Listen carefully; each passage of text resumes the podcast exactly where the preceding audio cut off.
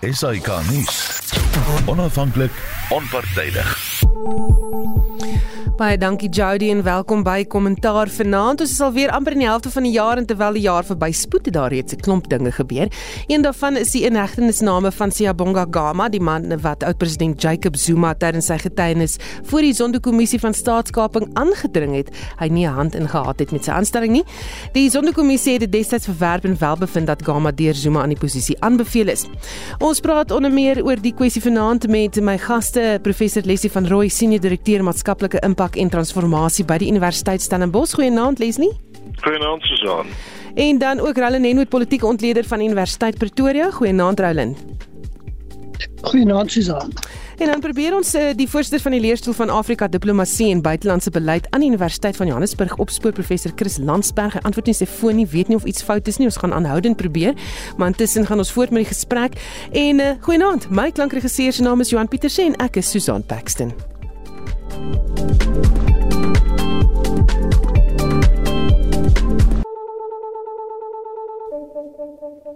Nou ja, kom ons skop sommer af met daardie inhegtenisname van Vrydag. Ehm um, Lesie, dalk kan jy begin. Wat's jou indrukke van die groep van Transnet wat Vrydag inhegtenis geneem is na die Sonderkommissie se aanbevelings? Sjoe, dit was 'n interessante Vrydag wat dit betref. Uh, ek dink ons het almal verwag dit sou ergens gebeur. Dit klink vir my persone wat inhegtenis geneem is en wat nie hof verskyn het veral. Hulle het blykbaar oor die afgelope paar weke al navrae gedoen oor presies wanneer dit gaan gebeur en wat hulle kan verwag en so. Maar miskien moet ons net eers iets sê oor die sondeverslag uh in die in die spoed van die prosesse. Uh dit bly vir my een van die groot kenmerke van die verslag dat dit van die begin af publiek was. Uh, die verskillende dele van die verslag het die president onmiddellik publiek gemaak. En dit is 'n baie sterk sein wat die president gegee het aan die burgery van Suid-Afrika om hom en die wiele van die geregtigheid te herinner uh van wat hy verkeerd geloop het en dat iets moet gebeur, iets daaraan gedoen moet word. Nou weet ons natuurlik dat die wiele van die geregstadiges en Shamila Batoy en die nasionale vervolgingsgesag spesifiek was onder velle kritiek oor die afgelope tyd oor die spoed van prosesse. Ehm um, en uh, ek dink uh, vele Suid-Afrikaners soos ek en jy het ook al gewonder hoe gaan dinge uitspeel, gaan dinge reg uitspeel en so? En aan die private kant was al daar al pogings om vervolgings te stuur of om dit uh, jy weet op 'n private kant vorentoe te vat en so met die steun van die nasionale vervolgingsgesag. En hier is daar nou een van die groot tekens die Transnet tekens uh van 'n gesteelery aanstellings wat verkeerd geloop het rampokkery verhoudings met die president en so en dit is 'n baie goeie sein want die sein is dinge is aan gebeur wees versigtig die wiel draai jy is dalk volgende en ons uh, vermoed uh, meneer Molefe en Singh veral is bekommerd daaroor. Uh, en natuurlik in die groter politiek van die jaar uh, wat lei tot Desember 2022 is dit 'n sein uh, veral hard na die ANC se kant toe dat ehm um, as jy nie aan die regte kant van die gereg is nie en as jy genoem word in hierdie verslag is daar 'n moontlikheid dat jy binne die volgende paar weke, maande, jare ehm um, 'n klop aan jou deur kan kry. En dit beteken dat jy uh, polities waarskynlik nie uh, in groot of senior leierskapsposisies veral binne die ANC kan wees nie as die ANC uh, wel besluit uh, om om hierdie prosesse sy eie prosesse te respekteer. So 'n goeie Vrydag wat dit betref en ons sal nou sien hoe die wiele van die reg vorentoe draai. Roland is daar dalk soos Leslie nou genoem met 'n paar mense wat effens bang is na hierdie gebeure Vrydag ek is seker daar's 'n klomp ongemak en bekommerde mense en en dalk mense wat selfs bang is. Ehm um, en ek dink daar's twee redes voor. Die een is dat oor 'n baie lang tyd het mense gewoond geraak dat niks gebeur nie. Jy kan letterlik doen wat jy wil. Jy gaan beskerm word. Die stelsel word so bestuur dat dit nie kan werk nie, dat niks met jou gaan gebeur nie. En dit lyk asof vir daai fase tot 'n einde gekom het. So ja, ek dink dit maak 'n paar mense bietjie bekommerd. Ek dink die tweede rede is dat die verslae soos wat dit uitgekom het van die Zondo kommissie het baie duidelike aanbevelings begin maak en al hoe meer begin om persone aan te koppel aan spesifieke netwerke en aan mekaar en baie duidelike aanduidings gegee van waarvoor mense aangekla kan word, waarvoor mense verder ondersoek moet word. En en dit alreeds gee aanduidings van wat vorentoe kon gebeur maar dit was nog steeds half onwerklik want niks het gebeur nie. En en dis 'n klagte wat oor 'n baie lang tyd gekom het, maar hoekom vat dit so lank? Hoekom sit die nasionale vervolgingsgesag by die kommissie? Hulle hoor die getuienis en daar gebeur niks nie. En ek dink dit het gemaak dat mense dalk nog steeds die illusie gehad het dat hulle eintlik nie regtig bekommerd hoef te wees nie. Ehm um, So dit is baie belangrik. Ek dink die die feit dat daar nou beweging kom is noodsaaklik. Dit is belangrik vir die nasionale vervolgingsgesag. Dit is belangrik vir die Zondo-kommissie se afloop omdat baie mense begin vra het maar hierdie klomp geld wat spandeer is, dis eintlik gemors want daar gebeur niks nie. So in die konteks van die kommissie self is dit baie belangrik dat iets gebeur. En dan belangrik dat die proses nou sy verloop neem en en ek dink die volgende toets gaan wees hoe suksesvol is hierdie vervolgings? Want dit is nog steeds die een vraag wat baie gevra word en wat 'n mens oorwonder. Is hoe effektief is dit? Hoe hoe goed is die nasionale vervolgingsgesag?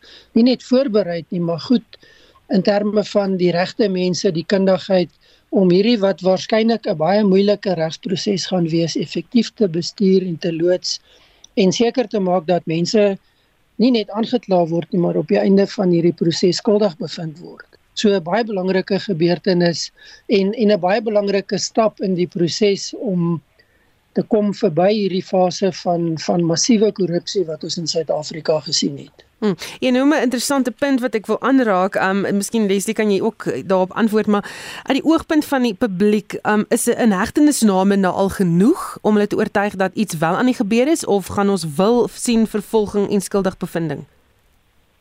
Ja, ek dink um, 'n inhegtenisname is 'n belangrike begin, maar dit is nie genoeg nie. Ek ek dink dit is belangrik in die sin dat iets gebeur en dit beantwoord die eerste vraag want daar's 'n klomp kommentare al gemaak wat mense beweer hier gaan niks gebeur nie, dit gaan nie gebeur nie. Nou het ons die eerste hoë vlak aanklagte gekry.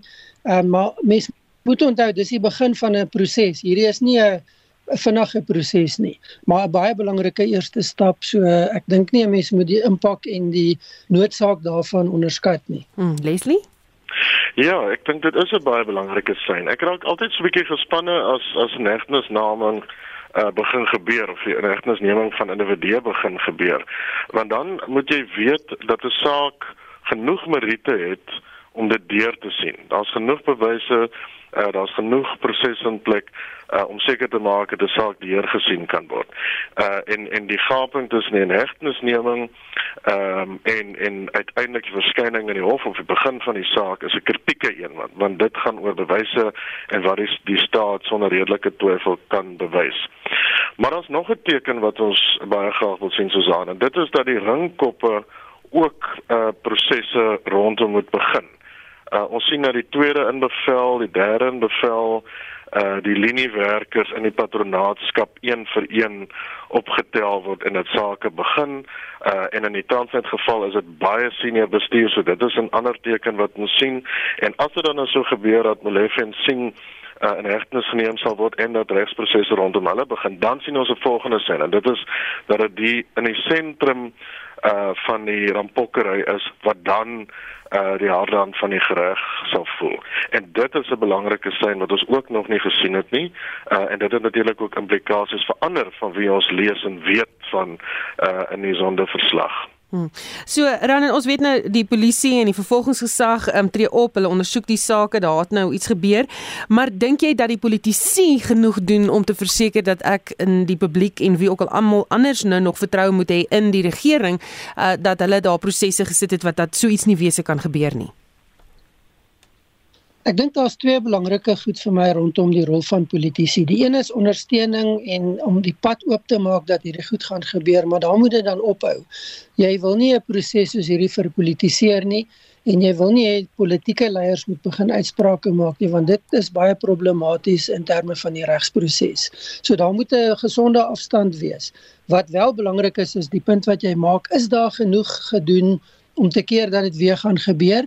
Ek dink nie so nie. Ek dink daar's 'n begin gemaak, maar ons sien te veel en ons het tot onlangs nog te veel voorbeelde gesien van ondeurdagte besluite van 'n 'n 'n ampere ongelooflike vermorsing en nog steeds ehm um, korrupsie wat aanhou en en dit betrek nog steeds senior mense, senior leierskap, nie net politici nie, maar ook ander. So daar's 'n begin gemaak, maar ek dink daar's baie meer werk wat in Suid-Afrika gedoen moet word om verby hierdie fase te kom en seker te maak dat mense sover as wat dit moontlik is, nie weer hierdie massiewe en openlike ehm um, dood eenvoudig vat wat jy wil soveel as wat jy wil solank as wat jy wil situasie ehm um, weer kan kry nie. Hmm. Leslie, ek sien hierso Fransja Ferreira vra, hoekom word die aangeklaagdes nie onmiddellik aangemoedig om te begin terugbetaal nie? En nog iemand wat sê of gaan hierdie aangeklaagdes nie nou al die ook die Stalingrad metode gebruik nie soos wat hulle sê Zuma het gebruik nie?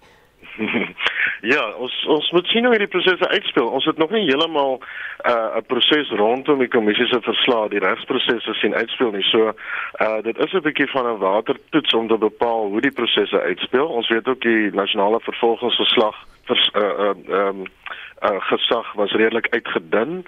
Ehm um, uh, en het moes ook 'n fase ondergang om uh, genoeg stiekrag te kan kry, ekspertise weer terug te kan kry om seker te maak dat daar genoeg agter die nasionale vervolgingsgesag is. So dit het ook 'n tydjie geneem.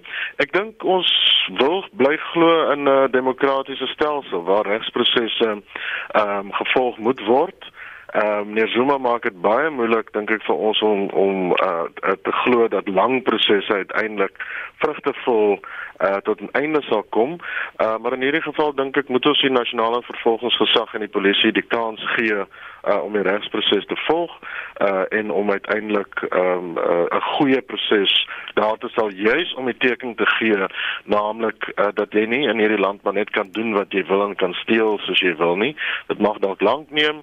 Uh, dit mag dalk baie tegnies wees uh, maar uiteindelik gaan jou rieme styf, jy jou rieme styf vasloop en sal daar gevolge wees. So ek sien daarna uit om te sien hoe dit uitspeel na die einde van die jaar en dit sal waarskynlik oor die volgende paar jaar nog uitspeel, maar die sein is belangriker en soos enige iets as jy dit inoefen weer en weer doen, is daar baie meer oortuiging dat jy 'n proses kan vertrou, uh dat jy die uitkomste daarvan kan vertrou, dat dit nie oorverblindery is nie en dat daar iets eg is daaraan en ons sal dit nou oor en oor moet sien uitspeel en daarom is hierdie eerste sake van kardinale belang uh ook om 'n sein te gee dat ons die vervolgingsprosesse in Suid-Afrika kan vertrou. Hmm. Lensie terwyl jy nou praat so van die jy praat van die einde van die jaar wat voor lê natuurlik die ANC se leierskapsverkiesing wat daar gaan plaasvind, het dit iets hiermee te maak dat daar nou arrestasies is of dat dit blykbaar nou vinniger beweeg? Ek weet nie of dit noodwendig direk iets daarmee te maak het nie. Ek dink dit kom al lank aan. Uh en ons het nou albei gesê dat ons dit eintlik al lank terug verwag het. Kyk, jy wou eintlik onmiddellik na die eerste verslag vrygestel was, gesien het dat die wiele van die gereg begin, eintlik voor dit al kon begin het. Ehm um, so ek weet nie of dit direk daarmee te doen het nie, maar dit het beslis 'n direkte effek op Desember 2022. Uh want uh, dit is bepalend tot wie kan staan uh wie in die ANC homself beskikbaar kan stel wat die posisie van die president van die ANC is meer Ramaphosa hoe sterk hy is uh, wat gebeur uh, met die radikale faksie wie van die lede in die radikale faksie kan nog probeer om 'n posisie in die ANC op te neem. Uh so soos wat die prosesse begin hardloop en soos wat die patronaatskap deur die regstelsel begin uitroei word en ons hoop regtig dat ons praat van uitroei en nie maar net stil maak of wegsteek nie ehm um, het dit ook 'n bepaalde effek op waar die ANC hom bevind, wat die posisie van die Ramaphosa is en wie in leiersverkiesings nou verkies kan word met die oog veral dan op Desember 22 wat steeds 'n baie belangrike datum in die politiek van Suid-Afrika bly. Hmm. Roland die koerantopskrifte vandag het gelees almal wil glo Ramaphosa se adjunk wees. Ja, baie interessant. Ek ek wil net voor ek dit antwoord net 'n stap terugneem wat vir my aansluiting by by die vorige punt en dit is dat interessant is ook die besprekings rondom ander ehm um, organisasies wat betrokke is by hierdie vervolgings. Ehm um, daar word byvoorbeeld spesifiek verwys na die rol van Outa in hierdie proses en die hulp wat hulle gegee het. En dan die uitsprake van die minister van ehm um, Justisie, meneer Ronald Lamula wat al klaar wat hulle 'n paar keer gesê het, ehm um, alhoewel dit sensitief en moeilik is, is die regering nie gekant teen ander rolspelers wat hulp gee op verskillende maniere in hierdie proses nie. En ek dink dit is belangrik want dit dui aan daar dat daar 'n dinamika besig is om te ontvou wat nie net in die hande van die normale besluitnemingsprosesse is wat ons gewoond geraak het nie. En dit behoort ook 'n rol te speel tot 'n meer effektiewe en hopelik meer suksesvolle uitrol van hierdie hele regsproses wat ons nou ingaan en die uiteindelike uitkomste daarvan. 'n Tweede punt wat vir my belangrik is is dat daar's nog 'n fase wat ons nog nie weet nie en dit is wat gaan die regering hiermee doen en dit sluit vir my aan by die punt oor die einde van die jaar se ANC ehm um, kongres en leiersverkiesing. Ehm um, president Ramaphosa het uitstel gekry en hy het gesê die regering gaan nie amptelik standpunt inneem totdat die finale verslag ingedien is en dan het hy nog 'n bepaalde tyd wat wat hulle hierdie verslag gaan bestudeer voordat die regering hierop gaan reageer en waarskynlik bepaalde optrede gaan neem nie. Nou dis natuurlik 'n belangrike aspek in terme van wat doen die regering behalwe die normale goed wat hulle moet doen en wat gaan die ANC as politieke party en as regerende party doen wanneer hulle hierdie sake moet hanteer. En ek dink dit maak die einde van die jaar nog belangriker want alhoewel die proses nie verpolitiseer moet word nie, is daar al reeds gerugte en beskuldigings dat uh, meneer Ramaphosa sy posisie verskans deur sy opponente deur middel van die regsproses uit te haal. Nou dis natuurlik nie nuwe beskuldigings in die ANC nie. Dit kom al 'n baie lank tyd. Dit is al teen meneer Mbeki ook gemaak. So dit het amper deel geword van die ANC se politiek en hulle retoriek in terme van binnengevegte. Wat wel interessant hier is is dat dit lyk asof al hoe minder mense enigsins die moed van hulle oortuiging het om meneer Ramaphosa aan te pak vir die leierskap en eerder kyk of hulle hom los dat hy nou maar nog 'n termyn dien en dan vir die tweede ronde begin voorberei deur hulle self in die top 6 te posisioneer.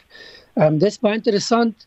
Ehm um, dit kan die die temperature in die ANC natuurlik nog baie meer opjaag vinniger en dit kan 'n groot effek hê op wat meneer Ramaphosa op die ouend mee sit. Hoeveel by ehm um, bewegingsvryheid hy gaan hê as politieke leier ehm um, afhangende van wat gebeur met hierdie verkiesing.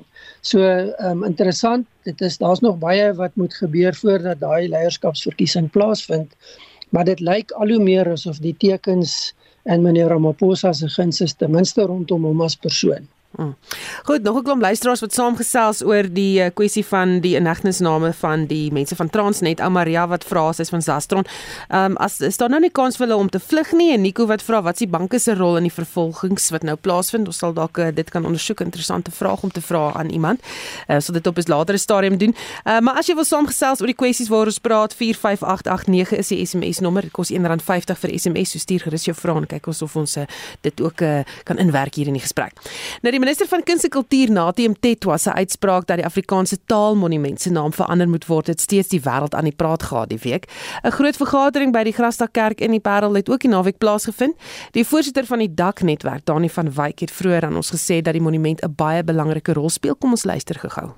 Die Afrikaanse Taalmonument was 'n baken van Afrikaner nasionalisme wat ander Afrikaanssprekendes totaal uitgesluit het tydens die inwydingsseremonie op die 10de Oktober 1975.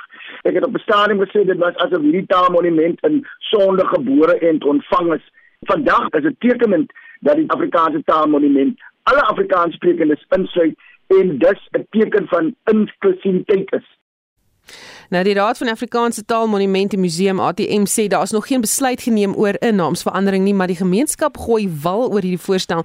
Leslie, is die minister se voorstel heeltemal ongewoon en onaanvaarbaar of het hy 'n punt beet?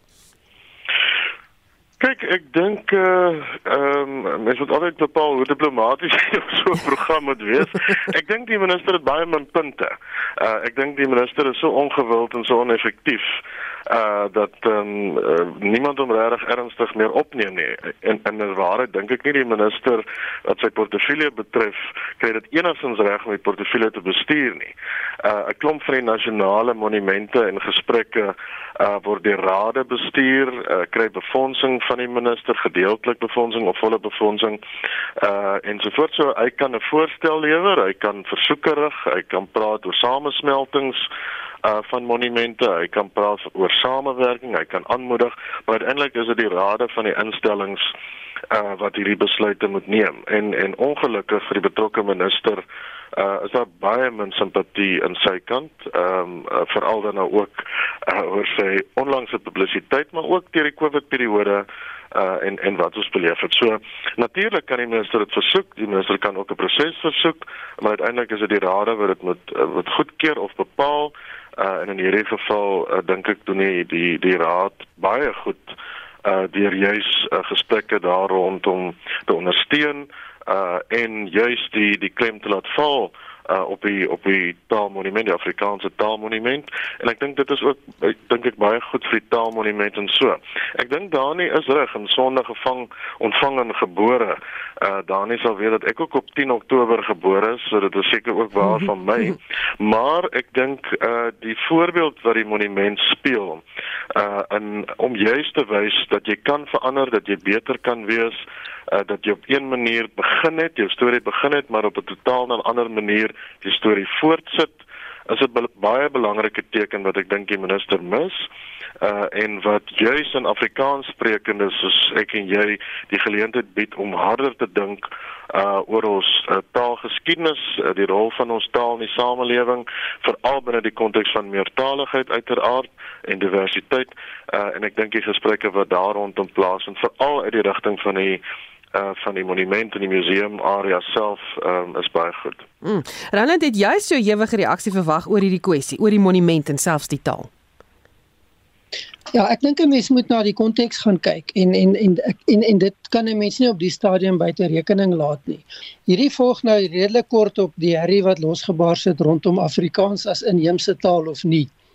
En ek ek dink daar's soveel energie losgemaak dat die minister waarskynlik 'n ondeurdagte skuif gemaak het en en dan miskien net dit sê dat dis nie vir my duidelik of die minister presies wat hy gesê het nie want daar's soveel verskillende interpretasies en en aanbiedings wat gemaak word. Maar feit van die saak is ek dink die minister het waarskynlik heeltemal op die verkeerde tyd met hierdie idee gekom en waarskynlik ook nie heeltemal of goed gedink of goeie advies gekry oor hoe bied jy dit aan nie. Ehm um, dit was die verkeerde tyd, dit is die verkeerde omstandigheid en mens kan hierdie tipe reaksie verwag. Ehm um, die risiko wat jy natuurlik altyd loop met so 'n ding is dat dit baie direk in die politieke en partytetiese konteks ingetrek word en dan word dit moeilik maar dit lyk asof daar genoeg koelkoppe is op die stadium om hierdie ding nie net in 'n politieke konteks aan te bied nie, maar in 'n breër sin te gaan hanteer. Ehm um, ek ek dink ook die die ander rede hoekom mense hierdie ewige reaksie gekry het is dit begin deel word van 'n patroon van sekere goed uitlig en dan nie rekening hou met maar wie is die mense wat jy nou mee praat nie. En ek dink daar's 'n baie groot gebrek aan insig en begrip rondom die hele idee van Afrikaans. Ehm um, Afrikaans is nie en ek dink die konteks hier is nie die taal en die politieke proses en die aanbieding van 1975 nie. Daar's baie ver van daar af beweeg. Hmm. En jy kan nie nou in terme van daai ehm um, noem dit maar daai mindset gaan praat oor Afrikaans en dink jy gaan nie 'n ewige reaksie kry nie. Hmm. Leslie, um die gemeenskap, die mense se deelname in hierdie prosesse. Dis vir my baie mooi, is baie interessant. sien ons nou dat die publiek besig is om in hierdie demokrasie van ons in te beweeg en te sê ons neem nou deel. Ja, ek dink dat Roland is heeltemal reg. Dis die gesonde van die debat. Uh die feit dat jy op voetsoervlak mense kry wat deelneem aan gesprekke uh rondom die taal uh die identiteit van die taal, die toekoms van die taal. 'n Taal wat nie net 'n wit gesig het nie, maar 'n verskeidenheid van skakerings het, 'n verskeidenheid van forme het en so. En in debatte wat gevolg het veral rondom die inheemsheid van taal, die plek van Afrikaans binne hoër onderwys, dink ek het dit nogal vasgestel. Nou ons sal weer op 16 Junie binnekort gekonfronteer word uh, met die geskiedenis van die taal uh, gekoppel aan 'n periode omtrent 'n jaar na die inwyding van die Afrikaanse Taalmonument en dan sal ons weer die geleentheid kry om herinner te word aan iets van van die van die Afrikaanse taal se geskiedenis en verlede. Maar dan is hierdie gesprek nog meer relevant en dit is dat ons praat oor Afrikaans wat nie meer die Afrikaans is van 1976 nie. Afrikaans het nie meer daardie rol in die samelewing nie. Dit is nie meer die seermaaktaal, die uitsluittaal, die taal van die onderdrukker nie. Dis lankal nie meer dit nie. Dis die taal wat insluit, dis die taal wat brûe bou, dis die taal wat ons weet sy oorsprong uh, op die bodem van hierdie kontinent het verskillende ehm uh, groeperinge, mense, agtergronde, stories saambring uh en wat die moeite werd maak vir mense wat tans die taal as taalsprekers gebruik uh om geleenthede te sien en om deel van die Suid-Afrikaanse speel van geleenthede te wees. En ek dink dit maak dit dan gesond uh, uh vir almal van ons om deel te neem, veral ook buite politieke kring. Uh, Roland is heeltemal reg. Sodra dit 'n politieke karakter kry, raak dit 'n speelbal vir heeltemal 'n ander aard en dit het ons oor en oor gesien uh die in die onlangse verlede. Uh maar maar hier is dit die burgery wat daar praat en daarom is ek dankbaar uh dat die raad juis uh die gesprek in hande hou, mense uitnooi na gesprekke, die geleentheid bied om vir Afrikaans om gevier te word deur kuns en kultuur, musiek, stories, uh die geskiedenis, nie net een geskiedenis in Afrikaans uitbeeld nie, ook omgaan met die kompleksiteit uh van historiese Afrikaans en die geleentheid gee vir Afrikaans om hierdie brugbouer te wees. Dit uiteindelik is 'n storie wat ons aan die minister en ander moet vertel op so 'n manier dat hulle verstaan dat die Afrikaans wat hulle in gedagte het, nie Afrikaans soos wat dit gebruik word in Afrikaans sodat dit soos wat dit brugbou en so 'n heeltemal 'n ander dimensie uh en taal is as die een wat hulle uh in gedagte dalk het. En dit is dink ek die geheim van Afrikaans dat hy kan innooi, dat hy saam kan bring uh en dat hy die emosie uh rondom ons en in ons kan ontlok. Hmm. Ek sien daar's iemand wat by daardie vergadering gesê het, ehm um, los die monument uit en maak vir Eskom reg, herstel hom. Ehm um, Roland, hoe vel gaan hierdie stryd nog word dink jy? Ek dink die nie dit hoef nie baie vel te word nie. Ek hoop daar skoolkoppe wat op die ONC vier en sê dalk moet ons regtig gaan kyk na goed wat nou saak maak, belangrik is en wat nou aandag nodig. Ek dink nie die taalmonument op sy eie het hierdie tipe aandag nodig nie. Dis goeie publisiteit en ek dink dit dit is dalk nie sleg vir die Afrikaanse taalmonument nie, maar in terme van die regering dink ek daar is ander aspekte waar hulle waarskynlik nou baie meer aandag moet gee.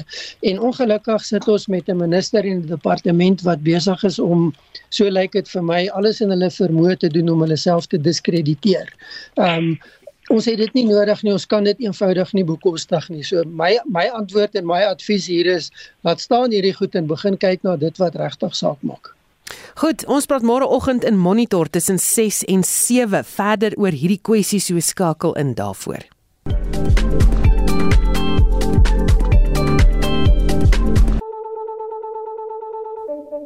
Nou welkom terug by Kommentaar. My gaste is professor Leslie van Rooi, senior direkteur maatskaplike impak en transformasie by die Universiteit Stellenbosch en Roland Henwood, politieke ontleder van Universiteit Pretoria. My naam is Susan Paxton. Nou brandstofpryse en stygende lewensonkoste. Nou die Reserwebank waarsku teen 'n soortgelyke onluste in die toekoms soos verlede jaar Julie as die regering nou nie dringend ingryp en mense help nie. Die adjunkpresident van die Reserwebank, Cuban Naidu, sê die finansiële bestendigheidsoorsig toon dat stygende lewensonkoste tot groter skuldvlakke onder laer inkomste groepe gaan lei. Kom ons hoor gou wat hoe waarsku jy hieroor? We had almost no job growth, rising in unemployment made much worse by COVID.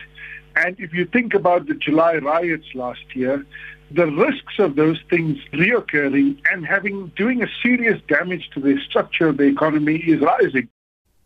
Nou die minister van Finansies, Enoch Godongwana, het reeds tydens sy begrotingsrede gesê 'n plan moet gesien word met die samestelling van brandstofheffings, maar niks het nog gebeur nie. Roland, die regering se tyd loop uit om brandstof uh, of 'n plan te maak met brandstof. Ja, ek meen die nuwe prys behoort volgende Woensdag in werking te tree en die aanduidings op die stadium is nogal ek dink rede tot kommer want jy sit met 'n belasting wat terugkom wat vir 2 maande nou basies weerhou is. Dit kom terug en dan groot stygings.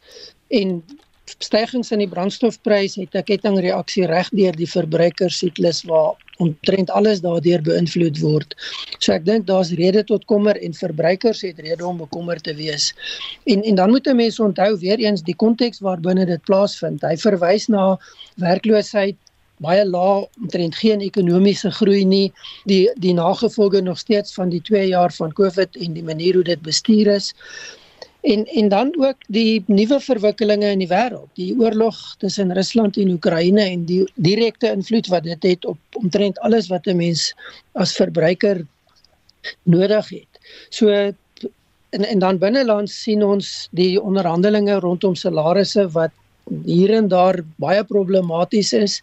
Daar's nou wel hierdie week sekere ehm um, bedingings wat afgehandel is het wat lyk asof dit redelik suksesvol is, maar daar's nog 'n paar uitstaande kwessies. En dan kom in die feit dat die regering het omtrent geen beweegruimte nie as gevolg van die manier van doen, as gevolg van COVID, as gevolg van korrupsie en so kan ons met die lys aangaan. Die gevolg hiervan is daar's nie beweegruimte nie. Daar's nie ekstra geld wat gebruik kan word om op die op 'n direkte manier die te verligting te bring nie as daar nou iets gedoen word dan beteken dit iewers anders word geld weggevat. En dit is glad nie goeie situasie om in te wees nie want uiteindelik beteken dit dat die verbruikers tot 'n baie groot mate uitgelewer is. En veral mense wat op die stadium werkloos is en nie eintlik vooruitsigte het nie. Daar is nie werklik die ruimte en die metodes om mense te help soos wat 'n mens graag sou wou sien nie tensy die regering dood eenvoudig gaan en 'n groot klomp skuld maak. En ons sit hoor by die ekonome deurlopend wat is die langtermyngevolge daarvan en dat dit nie die ideaal is om dit te gaan doen nie, dat dit op die stadium vir Suid-Afrika onbekostigbaar is. So dis 'n donker prentjie wat 'n mens mee sit en ek dink wat dit nog meer problematies maak is dat daar's nie kommunikasie van die regering se kant af nie. Ehm um, uh, minister Gwede Mantashe sê iets heeltemal anders as die minister van finansies en as uh, minister Gubele. So dit dit lyk nie asof daar 'n plan is nie, dit lyk nie asof daar eensstemmigheid is nie en dit lyk asof ons regtig dood eenvoudig net gekonfronteer word met krisisbestuur en korttermynhantering van alles wat hanteer moet word. Hm. Lensie gaan die publiek die regering veel langer tyd gee om 'n plan aan te kondig. Susan het ek dan net eers 'n regstelling maak voordat ek môre in die moeilikheid is. My titel, akademiese titel is dokter en nie professor. Ag, ekskuus tog. professor okay. nog 'n heel dag, jammer. uh Susan, kyk daar's niks so duur soos om arm te wees nie. Uh en ek dink uh, dit in die konteks van Suid-Afrika maak jy gesprek uh onder gewone Suid-Afrikaners Jan Alleman en die middelklas nogal aktief. Aan die een kant is hier 'n gesprek oor werkloosheid en met ander woorde geen uh, salarisinkomste behalwe toelaat nie en dan is daar gespreek uh, oor middelklas inkomste en die effek van van brandstof op die wat werk werk toe moet ry uh moet ry uh om om te kan oorleef in stede uit te kom en daar te kan uitkom en uh die van ons uh wat uh eie motors het of privaat eienaars van motors is wat van punt A na punt B uh, ry en die impak daarvan natuurlik op ons salarisse en besteedbare inkomste en so. Die tekens in hierdie verband is is uiters negatief. Aan die ander kant is daar ehm um, binne die die unies en so weer harde nuwe gesprekke oor salarisverhogings. En ons sien dit dat dit by SARS ook die geval is. Nou SARS dink ek uh, probeer SARS en die, en en die departement van finansies probeer altyd om die beste voorbeeld te stel vir al na die Zuma era en dit is uh, dat SARS homself meer effektief probeer bestuur. uh, en daar het uh, uh, ons gesien dinge beter gegaan. Ek dink meer Onongwana is baie dankbaar daarvoor. Daar sonder sou dinge nog moeiliker gewees het, maar ehm um, dis baie duidelik dat die teken gegee is dat ons ehm um, stakings in hierdie verband hard sal moet afweer. Nou ons het in verlede gesamentlike pakt gemaak rondom aanpassings van salarisse en staatsbesteding en ons weet dat in die algemeen nie in die spesifieke nie maar in die algemeen uh staatssalarisse of salaris salarisse van die wat vir die staat werk uh aansienlik vinniger en hoër gestyg het as wat inflasie was. En dit kan nie so aangaan nie en dit het die minister baie duidelik gemaak agter een volgende ministers baie duidelik gemaak, maar min het nog die moed gehad om dit aan te pas. Ek dink onder die COVID periode het ons gesien dat daar 'n uh, uh, tegemoetkomendheid was uh, van salarisstrekkers. Uh, ons het verstaan dinge is rof, jy is tevrede met die feit dat jy 'n werk het of ten minste gedeelte van jou inkomste verdien het en nie werkloos was nie. Uh en dat aanpassings dan uh, rondom 'n uh, baie beter inflasie uh syfer uh salarisaanpassings dan geskied het. Nou is dit anders, inflasie is hoër, rentekoerse is hoër, uh die petrol is uh, prys is byna onbekostigbaar Uh met ander woorde, die salaris wat ons ontvang in verhouding met dieselfde bedrag 'n jaar terug is aansienlik minder, uh by uitgawes meer is. So ons gaan weer 'n rowwe tyd binne en die vraag sal bly of ons in binne 'n pakt verstaan kan bly veral met 'n fokus op 'n langer termyn uh positiewer impak op die Suid-Afrikaanse ekonomie groei, uh werksgeleenthede en salarisse. Daar is goeie tekens, al die ekonome uh, wys dit vir ons dat daar goeie groei tekens is uh, uh handel en ruil uh veral uh lyk baie beter. Ehm um, en natuurlik is selfs weer 'n ligpunt in die Suid-Afrikaanse lewensuitkyk so. Daar is goeie tekens, maar ons is glad nie op die punt uh waar ons uh, met gemak kan sit nie met 'n hoë skuldlas individueel en wat die staatskas betref, sal Suid-Afrikaners gesamentlik baie harder moet werk om deur te druk die minste wat ons kan vra is 'n bekwame regering wat in in terme van wetgewing, in terme van staatsprosesse uh, en in terme van langtermynbeplanning ons in 'n beter posisie kan plaas uh om uh, vorentoe te kan werk en dink uh, vir 'n beter toekoms vir die meeste vir alle Suid-Afrikaners. Hmm. Roland is ons veiligheidsgroepering gereed vir 'n vlaag onrus. Dink jy hulle steur hulle die keer aan waarskuwings? Ek sou dink dat daar baie ernstig met hierdie tipe waarskuwings op die stadium na dit gekyk en dit hanteer word. Ehm um, daar was wel hierdie week twee ehm um, ministers wat so 'n bietjie 'n uh, erg negatiewe prentjie geskets het van die departemente waarvoor hulle verantwoordelik is. Ehm um, maar ek hoop dat 'n mens en en en mens weet nie dit is nou nie iets wat gepubliseer gaan word nie, maar dat daar op hierdie stadium baie ernstig gekyk word na wat gebeur. Maar ek dink ons moet versigtig wees om hierdie te omskep in 'n veiligheidskwessie. Dis 'n maatskaplike kwessie, dis 'n sosio-ekonomiese kwessie. So ja, daar kan waarskuwings wees, die regering kan en hopelik word die regering ingelig van wat gebeur. Maar hierdie is nie die tipe ding wat jy gaan hanteer met veiligheidsmagte nie dit gaan oor mense se oorlewing en en ek dink die belangrike konteks wat Leslie gegee het van dis duur om arm te wees in Suid-Afrika en dis baie moeilik en ek dink daar moet baie meer omsigtig gekyk word na die armoede kwessie in Suid-Afrika veral in terme van wat die afgelope 2 jaar gebeur het want dit het 'n dramatiese wending geneem En dit is hoekom ek sê ja, dis goed dat die veiligheidsinstansies ingelig is, die regering voorlig, maar die fout moet nie gemaak word om hierdie te gaan omskep in 'n veiligheidskwessie nie want dit is nie wat dit is nie. Hm. Goed, ons gaan dit dophou, soos dit ontvou universiteite die afgelope week ook uh, in die nuus gedraai. Die naderdraai van die student uh, wat op 'n ander se tafel geurineer het, gaan voort, maar verskeie universiteite was in die kolle gewens beweerde verkrachtings wat plaasgevind het op kampusse. 'n Student is in uh, Stellenbosch verkragt. Die polisie ondersoek die saak en Matie se woordvoerder Martin Viljoen sê hulle hanteer die kwessie met die erns wat dit verdien. Studente by die Universiteit Vrystaat het misnoë uitgespreek oor 'n ondersoek na 'n verkrachtingssaak wat 2 maande gelede aangemeld is wat stadig gaan na hulle sin die ondersoek daar. En die Universiteit van Kaapstad was in 'n Twitter geveg betrokke die week met 'n onbekende gebruiker uh, van hierdie toepassing wat beweer dat hulle 'n verkrachtingssaak probeer toesmeer. En uh, die universiteit het ook gesê die saak word ondersoek. Leslie, hoe gaan dit by Maties um, na die eerste voorval van die van die rasse voorval en dan ook die verkrachtingssaak wat toe bygekom het? Sjoe Susan, dit is om die mense te sê kritieke periode vir ons universiteit die afgelope 2 weke was was besonder moeilik. Uh ek dink Vrydag 'n week terug toe ons die uh gesamentlike protes van omtrent 3.5 4000 studente hier gesien het, meestal studente leiers uh het ons um, ja almal besef dat ons op 'n manier geraak is, seer is, bekommerd is, hartseer is en hoop dat dinge beter kan wees. En in die afgelope week uh, was daar baie harde oop gesprekke uh oor die universiteit se institusionele kulture, uh, uh natuurlik prosesse van dissipline uh en en uh, prosesse van ondersoek uh en dit is ook so dat daar 'n reeks um klagtes en prosesse tans aan die gang is onder andere die waarna jy verwys het.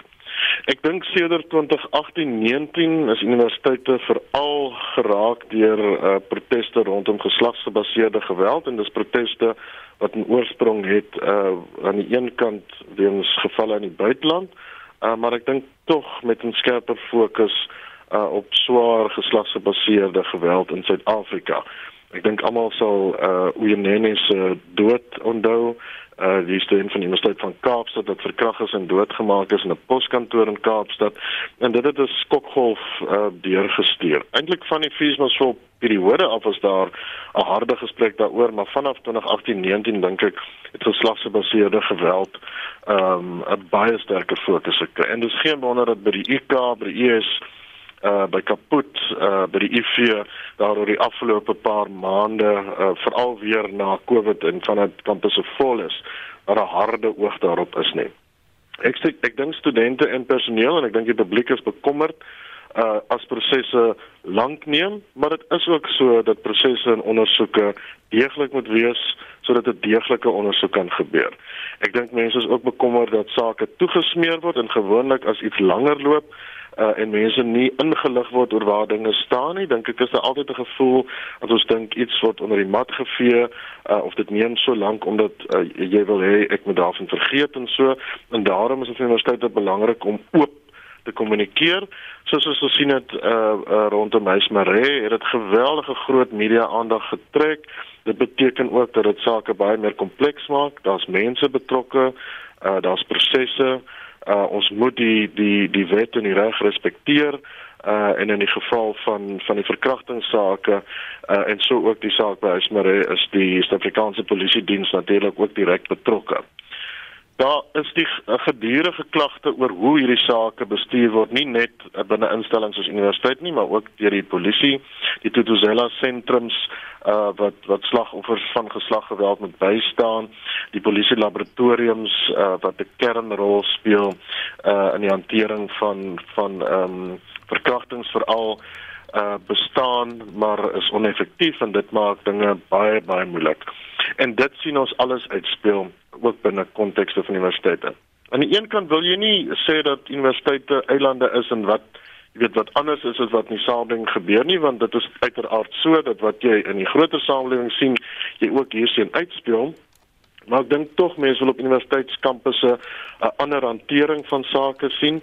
Dit is juist daarom dat uh, verkrachtings veral op kampusse uitgelig word uh en dat dit uh, vinnig publisiteit trek. Jy verwag nie dat dit sou gebeur nie. Jy verwag dat studente anders sal proteseer, dat studente anders sal optree en so.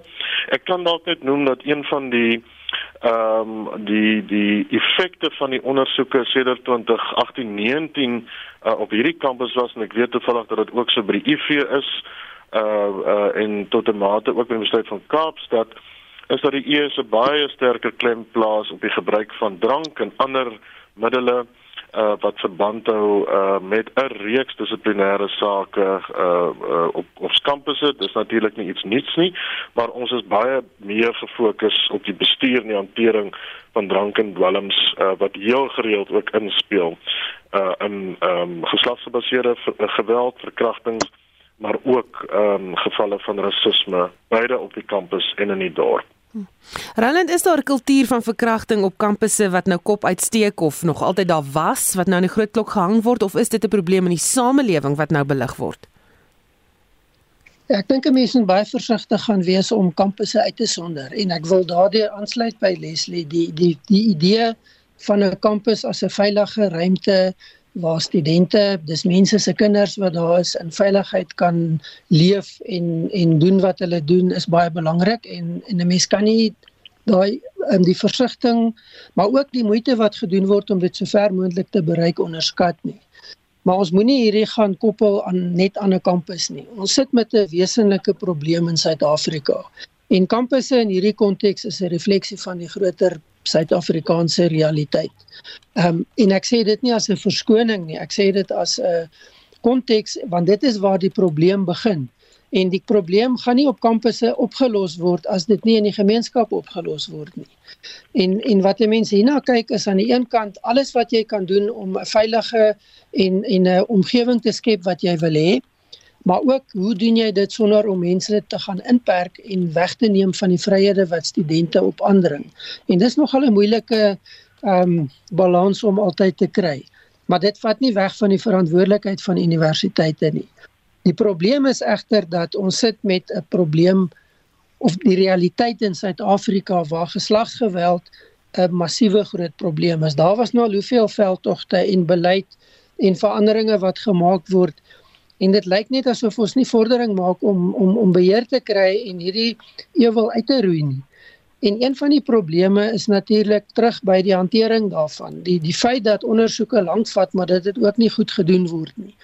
En hier wys ek nie die vinger na universiteite nie. Ek wys die vinger na die instellings wat veronderstel is om dit te doen. Ehm um, gaan kyk 'n bietjie na die uitsprake wat minister Lamola in die onlangse tyd gemaak het oor en ook die minister van polisie in die afgelope week waar hy by twee polisie ehm um, stasies ingegryp het.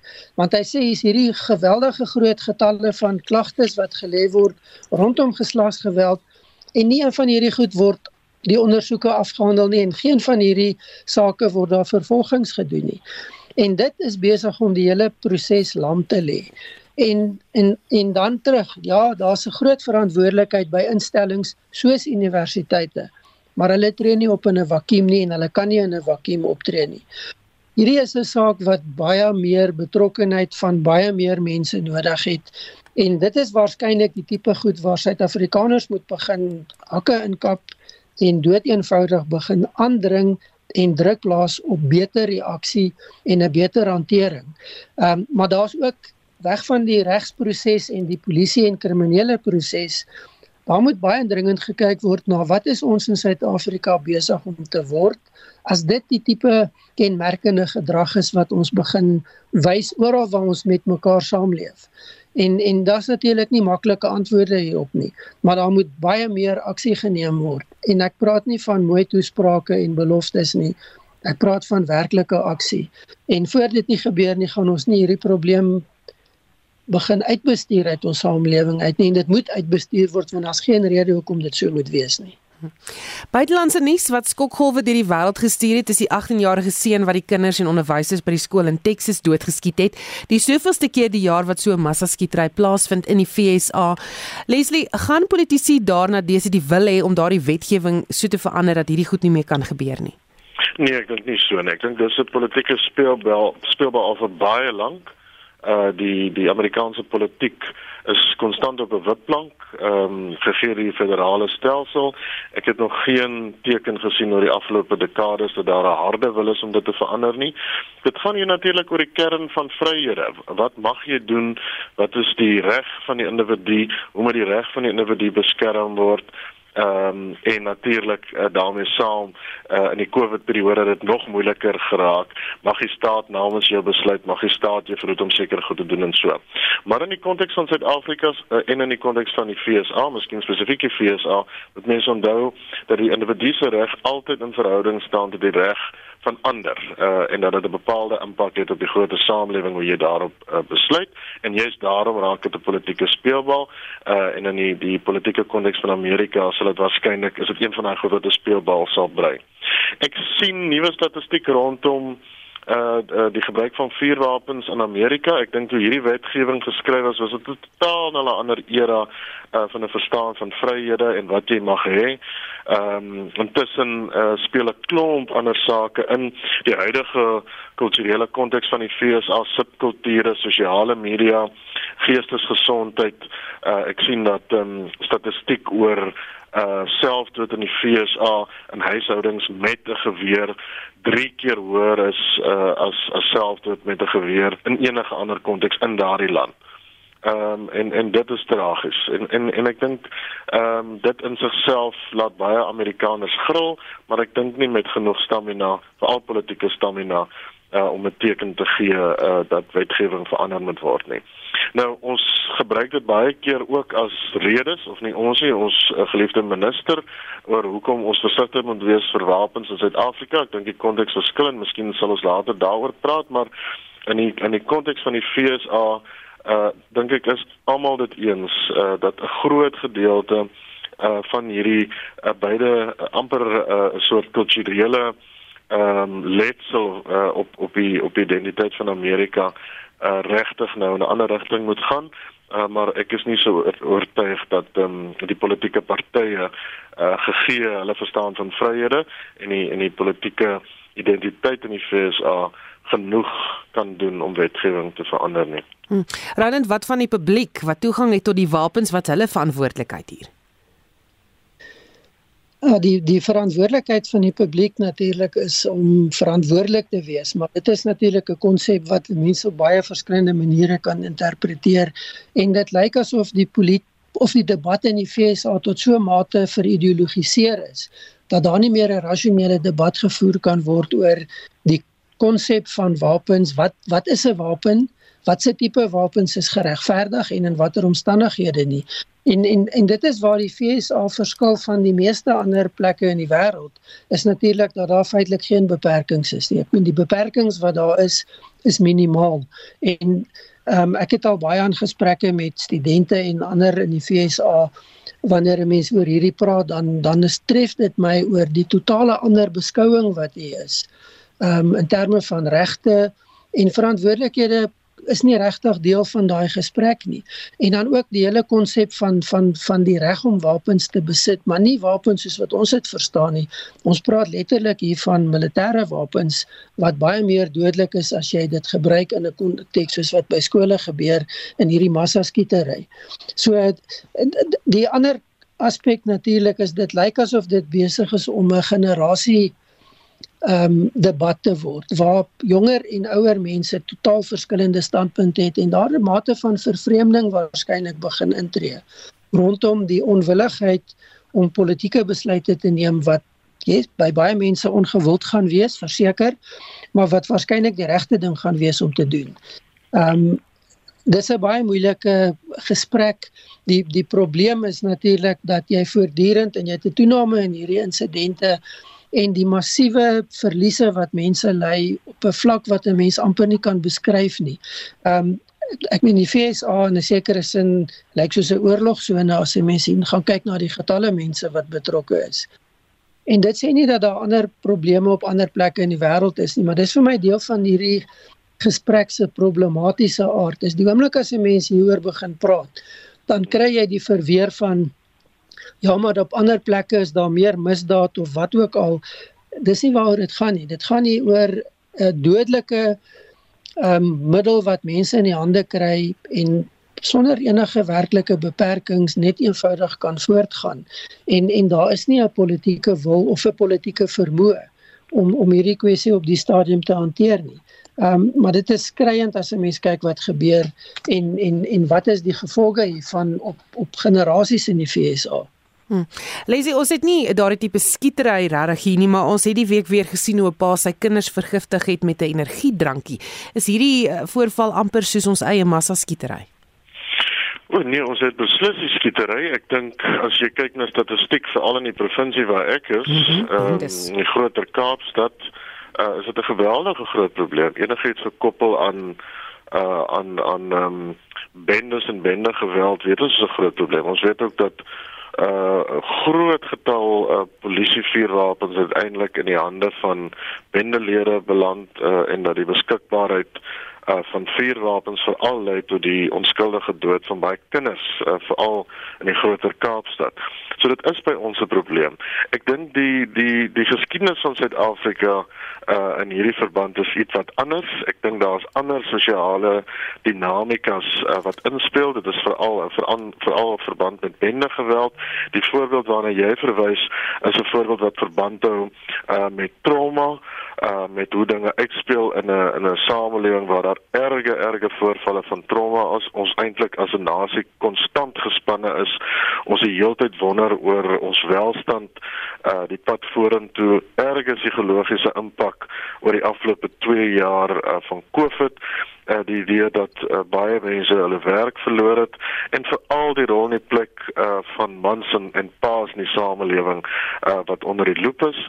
Uh, dit alles is 'n is 'n kombinasie en 'n resep wat baie negatief is uh, en dit sien ons baie uitspel ongelukkig is die teksboek voorbeeld daarvan iets wat gereeld in polisiekringe uitstel dat daai trauma en die beskikbaarheid van 'n vuurwapen uh, soms lei uh, tot moord in 'n gesin en dan self dood uh, vir die persoon uh, wat verantwoordelik is rondom die vuurwapen. Uh, maar die debat in Suid-Afrika is effe anders. Um, Ek dink hier gaan dit oor die onwettige besit van vuurwapens mm. en lisensie lisensiering. Wil dit nie FSA gaan uh oor uh uh individuele reg uh wat bepaal dat eintlik maar anything goes uh, en dat jy kan doen uh, dat jy 'n vuurwapen kan hê soos jy wil. Uh so die konteks in hierdie verband is tog anders. Ja. Roland, net so voor ons groet, daar's so 3 minute oor, wat gaan jy dophou die week? Ek dink ons gaan kyk verder wat gebeur rondom die hoë profiel hofsaake wat ons um, sien uitspeel. Mense gaan definitief dink ek dophou wat gebeur rondom die verdere debat oor Afrikaans want ons is glad nie by die einde daarvan en en en en ek bedoel Afrikaans in die breedste konteks van dit wat daarbey ingesluit word wat belangrik is. Dan is daar twee ander interessante sake wat hanteer word en dit is natuurlik die wysiging van die wet rondom verkiesings in Suid-Afrika wat deelname van individue moontlik maak en dit lyk asof daar redelik baie negatiewe kommentaar en kritiek besig is om vorm aan te neem rondom daardie proses. En dan ook natuurlik die die kwessie van die vrae wat alreeds gevra word rondom die 2024 verkiesing, onder andere die feit dat befondsing daarvan alreeds as 'n probleem geïdentifiseer word. Hm, besige week Leslie vinnig jy, wat gaan jy dophou? Petrolprys beslis nommer 1. Uh ek hou ook die verkiesingswetgewing dop. Dis iets wat uit die van self slabber daar al kom. En natuurlik as ek by die ES en op kampus ehm um, ons begin hierdie week met eksamen, uh maar daar is 'n paar voortgaande sake wat hierdie week ook weer raad aandag sal moet geniet.